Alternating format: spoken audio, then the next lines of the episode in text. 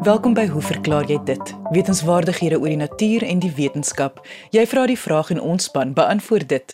My naam is Lise Swart en ons paneelkenners vandag is teoretiese fisikus professor Hendrik Geier en entomoloog Dr Johan Pretorius. Onthou as jy 'n vraag het, stuur jou e-pos na lise, dit is L I S E by rsg.co.za. Ons eerste vraag van vandag word gevra deur Hannes van Staden en beantwoord deur entomoloog Dr Johan Pretorius. Hannes skryf: Ek hoor soms mense praat van reismure en mure. Is daar dan 'n verskil tussen die twee en indien so, wat sou dit wees? Dr Pretorius? Interessante vraag van Hannes en ek kan sommer uit die staanspoor sê dat daar wel groot verskille tussen reismure of terwyl termiete en mure is, maar ek dink dit is dalk eerder die ooreenkomste wat die verwarring veroorsaak. Nou in terme van getalle is termiete en mure seker die mees volopste diere op aarde en beide hierdie insekgroepe vorm komplekse sosiale kolonies wat kan wissel van slegs 'n handjievol tot miljoene individue afhangende van die spesifieke spesies ter sprake. Dit is juis hierdie sosiale lewenswyse wat termiete en mure so suksesvol en volop maak, aangesien 'n groep individue baie meer kan vermag as 'n enkele individu. Meer spesifiek is beide groepe eusosiale insekte wat basies beteken dat daar gesamentlike sorg vir die onvolwassenes is. Daar is oorvleelende generasies van volwasse insekte en dieselfde kolonie en daar is 'n skeiding van rolle tussen reproduktiewe en nie-reproduktiewe individue in die kolonies. By beide termiet en muurkolonies vind ons dan ook verskillende groepe of sogenaamde kastes, elk gespesialiseerd om 'n spesifieke taak in die kolonie te verrig. So is daar byvoorbeeld gereeld 'n reproduktiewe kaste wat in meeste gevalle initieel vlerke het vir koloniestigting asook 'n vlerklose werker en soldaatkaste die laasgenoemde waar die individu morfologies aangepas is vir die verdediging van die kolonie. Die feit dat beide termiete en mure dus hierdie komplekse sosiale kolonies vorm en op 'n afstand baie na mekaar lyk, verklaar hoekom hulle dikwels met mekaar verwar word en waarom ons soms algemeen praat van reismure, witmure en muursope terwyl dit eerder termiete is.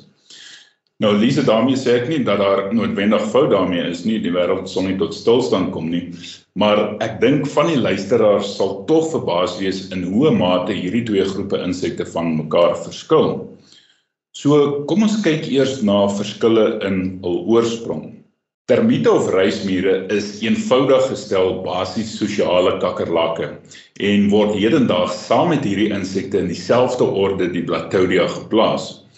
En dit is nie 'n nuwe idee nie want daar is al in die 1930s vermoed dat termiete en kakkerlakke na verwant moet wees aangesien een spesifieke groep kakkerlakke, die genus Cryptocercus, sekere ooreenkomste met termiete toon.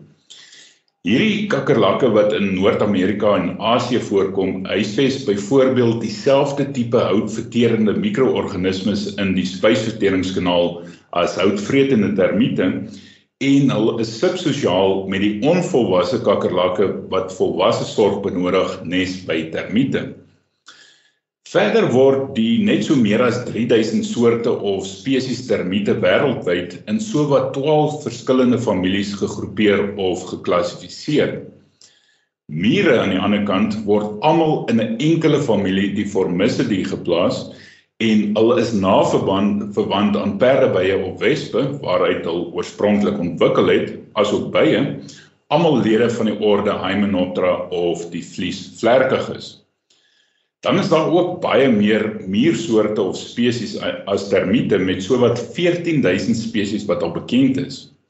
So hoewel beide termiete en mure insekte is, is dit duidelik dat hulle nie 'n onlangse gemeenskaplike voorouder deel nie. Dit is dan ook nie verbasend dat daar 'n groot verskil in die groei en ontwikkeling tussen die twee groepe is nie.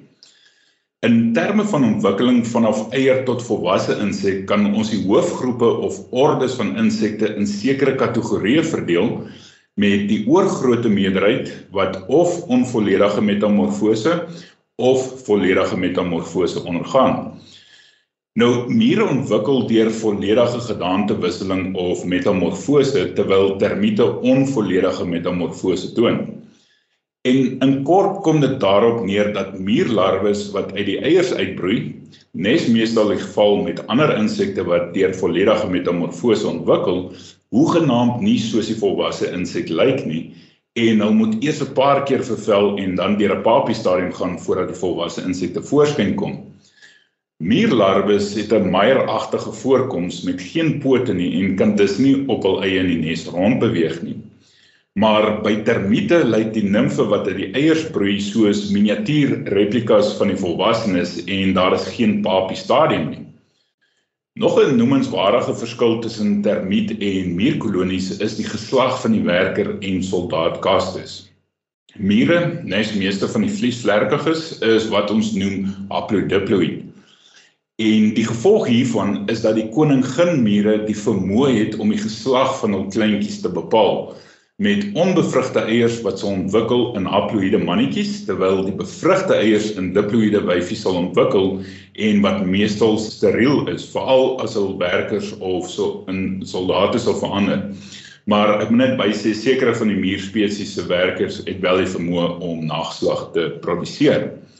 Nou by mure speel mannetjies nie 'n rol in die funksionering van die kolonie nie en hul enigste doel is om toekomstige koninginne te bevrug. En vir die rede is alle werkers en soldate in muurkolonies wyfies. Dit is basies 'n vroulike samelewing. In teenstelling hiermee is termiete diploïd met beide geslagte wat uit die bevrugte eiers ontwikkel. Die werkers en soldate indien teenwoordig is dis 'n mengsel van mannetjies en wyfies en al is ook steriel. By termiete bestaan die reproduktiewe kaste uit vrugbare konings en koninginne met die koning wat lewenslank saam met die koningin in die nes bly en periodiek met haar paar. Hierdie konings en koninginne is die oorspronklike vrugbare gevleelde termiete wat die kolonies waarin hulle gebore was verlaat het tydens hul bruids- of paringsvlug en so gelukkig was om nuwe kolonies te kon vestig. Sodra hulle begin nes maak, sal beide geslagte hul twee paar vlerke afbreek om die res van hul lewe in die nes te vermaaklik. By sommige termietsoorte sal die koningin se agterlyf merkwaardig begin opswel vir maksimale eierproduksie met sommige spesies wat tot tussen 20 en 30000 eiers per dag kan produseer. Mens kan seker sê sy verander in 'n eierfabriek.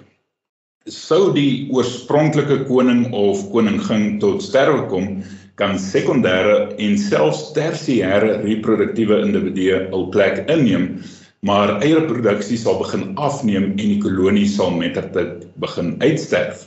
By mure is daar egter bietjie meer variasie. By baie spesies verlaat die mannetjies en toekomstige koninginne beide ook meestal geveel hul geboortekolonie nes soos by termiete paar dan maar die mannetjies vrek kort daarna met hul vlerke steeds vasgeheg en hul help dus nie met koloniestigting nie. Die wyfiemure moet dus die sperme wat sy tydens die paringsvlug ontvang reg deur haar lewe gebruik en lewensvatbaar hou aangesien sy nie weer sal paar nie. Nou na paring sal die wyfiemuur ook haar vlerke afbreek en met 'n nuwe kolonie begin. Soos ek genoem het, is daar egter meer variasie by mure afhangende van die spesifieke spesies. Byvoorbeeld by sommige soorte sal die toekomstige koninginne 'n reeds bestaande nes oorvat deur die oorspronklike koningin dood te maak, terwyl sommige spesies selfs weer terugkeer na hul geboortekolonie na paring of saam met 'n groep werkers die oorspronklike nes verlaat of afstyg om 'n nuwe kolonie te begin. In muurkolonies van sommige soorte is daar ook dikwels meer as een, partykeer selfs duisende koninginne wat nageslag produseer op enige gegee tydstip veral as individuele kolonies begin saamsmelt in sogenaamde superkolonies soos ons dikwels sien met byvoorbeeld die Argentynse muur wat 'n indringerspesie in Suid-Afrika is. As ons dan na die voedselvoorkeure van termiete en mure kyk, is daar ook verskille. En in 'n vorige program het ek genoem dat sommige termiete en mure simbiotiese swame in spesiale swamtuine in die nes verbou as voedselbron. Termiete in die algemeen is egter detritivore wat hoofsaaklik op dooie plantmateriaal en mis van herbivore voed en waarom belangrik is vir die afbreek en hersirkulering hiervan. Aangesien al voedselbron dikwels hoog in selulose is, het al simbiotiese protozoa en ander mikrobes in die spysverteringskanaal wat help met die afbreek van hierdie vesels sodat die termiete die eindproduk van hierdie proses kan absorbeer. Interessant genoeg termietnimfe broei sonder hierdie mikrobes uit die eier en verkry dit vanaf ander termiete deur die proses van trofalakse waar kos tussen individue uitgeruil word nadat dit in die spysverteringskanaal was.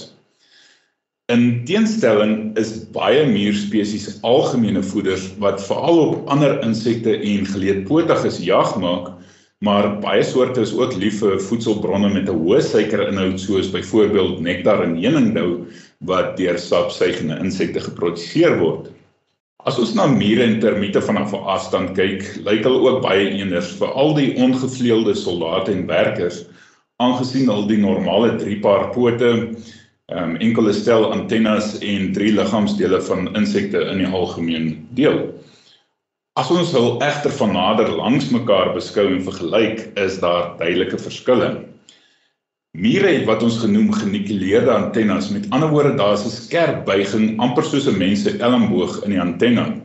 Terwyl termiete al snoervormige antennes het, amper soos 'n stringperels sonder hierdie buiging. Verder het mure ook 'n merkbare vernouing tussen die middel en agterlyf, die sogenaamde petiole en wat ons nie by termiete aantref nie. By die reproduktiewe kastes met vlerke het beide mure en termiete membraanagtige voor- en agtervlerke, maar by mure is die agterste paar vlerke baie kleiner as die voorste paar terwyl die twee paar vlerke ongeveer dieselfde grootte by termiete is. Met 'n paar uitsonderings is meeste termietwerkers en soldate ook blind, terwyl die werkers ook dikwels swak gesklerotiseerd is en maar val van kleur is van daardie ander algemene naam van witmuur. Aangesien al meeste van die tyd ondergronds of in die neste bedrywig is en dis nie goeie sig benodig nie. Deur met 'n paar uitsonderings beskik meeste mure egter oor goed ontwikkelde saamgestelde oë en hulle is ook goed gesklerotiseer vir beskerming soos hulle buite die nes rondbeweeg en na kos soek.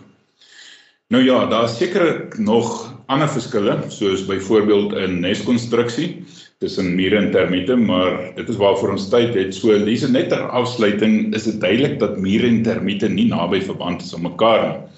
Inteendeel, die grootste vyande van termiete in die insekwêreld is mure. En hier dink ons byvoorbeeld aan ons eie Matabele mure wat daarin spesialiseer om op termiete jag te maak as voedselbron. Mure aan die ander kant se grootste vyand is ander mure en in vergelyking met termiete is hulle maar redelik veglustig. Om die bekende muurkundige Bert Haldabler aan te haal, if ants had nuclear weapons, they would probably end the world in a week. So die ooreenkomste wat ons dus waarneem tussen mure en termiete is 'n goeie voorbeeld van konvergente ontwikkeling waar twee groepe onverwante insekte of ander organismes baie dieselfde lewensstrategie ontwikkel om by hul spesifieke lewenswyse aan te pas. So Hannes, dankie vir jou interessante vraag en ek hoop die antwoord verskaf bietjie meer duidelikheid oor die verskille tussen mure en termiete. En dit was entomoloog Dr. Johan Pretorius. Indien jy 'n vraag het, stuur jou e-pos na lise@rsg.co.za of direk na RSG se webwerf rsg.co.za. Volgende gaan teoretiese fisikus professor Hendrik Geier Kalfyn Steyn se vraag beantwoord. Kalfyn skryf: Wanneer ek stort en hare was onder die stort, gebeur dit dat die skuimwater in my ore kom Dit is asof ek dan doof is, want ek hoor absoluut niks deur die skuim nie. Die skuim se digtheid kan tog nie maak dat ek niks kan hoor nie, of kan dit? Professor Geier? Konfeng, dankie vir jou fyn waarneming wat jy nou hier in vorm van 'n vraag na ons kant toe gegooi het. Ek dink jy gaan op die ou einde verbaas wees om agter te kom dat dit beslis nie sommer so 'n ligtelike vraag hier is nie.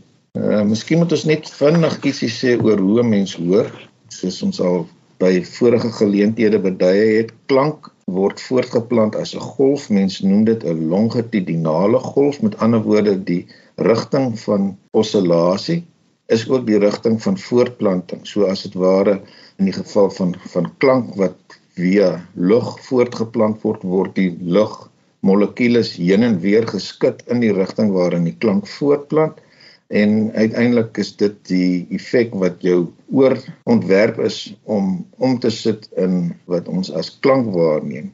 Verder sou 'n mens kon byvoeg dat 'n tipiese mensoor kan klanke hoor met 'n frekwensie so laag soos 20 Hz. Dis 'n baie lae diep klank tot min of meer 20 kHz. Dis nou hier in die vleur van jou lewe. Mense gehoorsensitiwiteit neem natuurlik af na mate jy verouder. Uh, maar dit is min of meer waar mense tipiese gehoordrempels lê.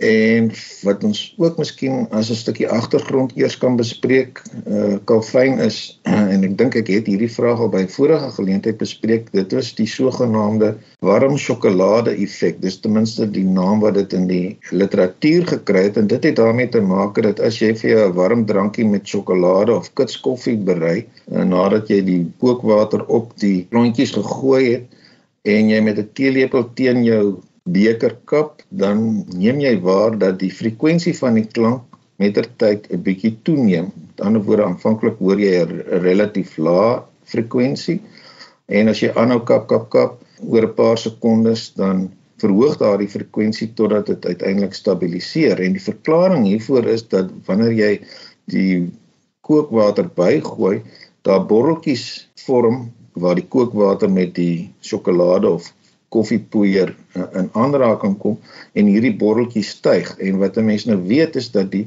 die spoed van klank in 'n medium hang van twee goed af. Die digtheid van die medium en die saamdrukbaarheid van die medium. Die manier waarop dit afhang is dat die spoed van klank in 'n medium is omgekeerd eweredig aan die produk van twee goed se vierkantswortels. Nou ons kan maar van die vierkantswortels vergeet want dit kom net ter sprake wanneer 'n mens nou numeriese berekeninge gaan doen. So dis basies omgekeerd eweredig aan die digtheid en omgekeerd eweredig aan die saamdrukbaarheid. So as ons nou gaan vergelyk, wat is die spoed van klank in lug vergeleke met wat dit in water byvoorbeeld is, dan eksperimenteel weet 'n mens in lug is dit omtrent so 330 meter per sekonde in water omtrent 1480 so duidelik hoër. Aan die ander kant weet ons natuurlik dat water is baie digter as lug omtrent 800 keer so dig. So as dit net 'n kwessie van digtheid was, dan moes die spoed van klank in water laer gewees het. Maar nou is water feitelik nie saamdrukbaar nie terwyl lug baie saamdrukbaar is. Om die waarheid te sê omtrent 15000 keer meer saamdrukbaar as water. So as 'n mens nou na die som totaal van hierdie twee invloede kyk, dan besef jy of kan jy gaan bereken wat is die faktor waarmee die spoed van klank in water groter is as die in lug en met daai twee syfers wat ek pas genoem het, eh, kom 'n mens inderdaad agter dat dit 'n faktor van 4 is. Goed, so nou is die die vraag wat Kalfyn gevra het. As hy nou skuim in sy ore het, hoekom neem hy waar dat hy feitelik geen klanke kan waarneem nie? Kom ons vra net eers die vraag hoekom werk 'n gewone oorpluisie? Sê maar 'n oorpluisie wat tipies van 'n redelik soliede rubber gemaak is wat jy in jou ore druk en dit blokkeer ook omtrent alle klank wat jou oor sou kon bereik en uiteindelik via die oortrommel by die slakke huisie of cochlea sou uitkom en en presies hoe daardie effek via die bekende hamer aanbeeld en stabiel beentjies en die haartjies binne in die cochlea vertolk word deur jou brein as klank. Dis 'n lang storie wat ek nie nou op gaan ingaan nie. Maar in elk geval, die vraag wat ek nou gevra het is hoekom sou 'n soliede rubber stopsel in jou oor klank totaal uitsny? Ons het nou pas gesê dat die spoed van klank in 'n medium is tipies hoër as in lug. Dit is natuurlik nie die enigste oorweging nie. 'n Mens moet verder in aanmerking neem dat soos wat klank deur 'n medium voortplant, is daar twee ander effekte, naamlik dat klank geabsorbeer word en verstrooi word. So die golf word word tot 'n groter mate in 'n digter medium geabsorbeer en verstrooi wat natuurlik die voortplant vermoë as dit ware beïnvloed soveel sodat rubberoorpluisie baie effektief is om klank uit te sny. Terloops, mens kan dit met 'n oorpluisie nie ooit volledig uitsny nie, want klankvibrasies bereik jou cochlea nie net via die oortrommel en die pad wat ek voorheen beskryf het nie, maar ook direk deur byvoorbeeld jou kopbeen. So uh baie keer verbeel mense jou jy kan jouself oorkou. Uh dit het daarmee te maak dat klanke jou cochlea ook op ander maniere via jou eie skelet en meer spesifiek jou kopbeen kan bereik. Jy luister na Hoe verklaar jy dit op RSG? Kalfyn se groot vraag is as skuim dan as dit ware eintlik maar net lug is, uh, hoekom plan die klank nie min of meer soos normaalweg daardeur voort nie? En nou sal dit jou interesseer Kalfyn om te hoor dat ek kon nagaan dat dit maar so onlangs soos omtrent 10 jaar gelede is dat fisici so 'n bietjie beter begrip kon kry vir wat hier aan die gang is. So wat 'n mens moet sê is eerstens deur bloot eksperimenteel te werk, uh, is dit bevestig dat by la, lae frekwensies klank relatief goed deur in skuim voortplant. By die middelfrekwensies tipies die waar ons klanke uh, normaalweg in ons omgewing voortgebring word, is daar 'n groot dempingsfaktor en dan by baie hoë frekwensies word die klank weer deurgelaat. So skuim reageer ten opsigte van klank afhangende van die frekwensie.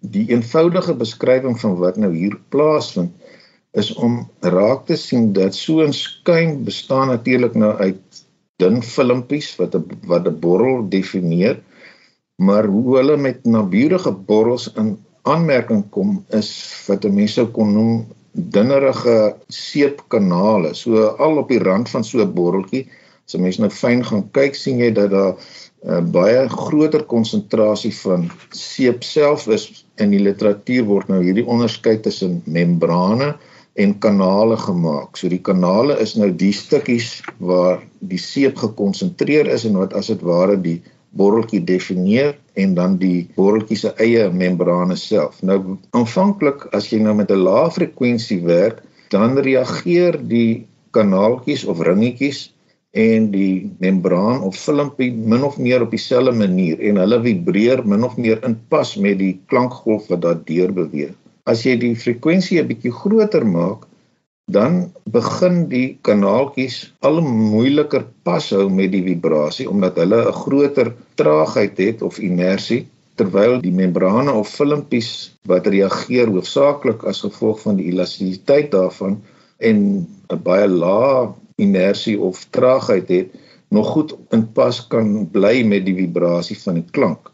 So hier sit ons nou met 'n situasie waar die borreltjies as dit ware saam met die klank probeer osilleer. Soos wat jy die frekwensie 'n bietjie groter maak, kan die kanaaltjies wat 'n groter traagheid het, nie eintlik meer goed byhou nie, soveel sodat hulle uiteindelik uitpas uit vibreer met die borreltjies. En die som totaal hiervan is dat daar geen klank deurgelaat word nie.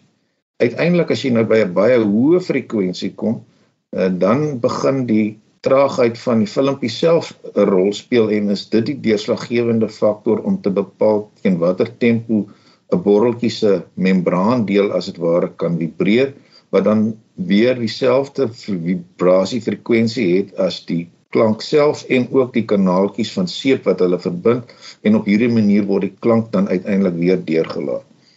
So dit is 'n interessante samehang tussen hoe so 'n seepskuim saamgestel is en die feit dat verskillende komponente verskillend reageer op 'n klankgolf soos wat hy verbygaan of deurgaan uh, en op hierdie manier meebring dat by lae, baie lae en baie hoë frekwensies klank effektief deur so 'n skyn kan voortplant terwyl by die tussenfrekwensies uh, dit vir alle praktiese doeleindes klank volledig kan isoleer. So 'n uh, kalfyn 'n uh, fyn waarneming Ehm um, dit is 'n storie waarvan ek beslis nie bewus was voordat ek 'n bietjie verder begin krap het hieraan nie. Uh en ek dink dit help 'n mens om om te verstaan hoekom jou seepskuim in die stort jou afsny van al die klanke daarna by. Dit was teoretiese fisikus professor Hendrik Geier. Ek sê baie dankie aan ons kenners en vraagstellers vandag. Onthou om altyd nuuskierig te bly en vrae te vra. Tot volgende week net hier op RSG saam met my Lise Swart. Totsiens.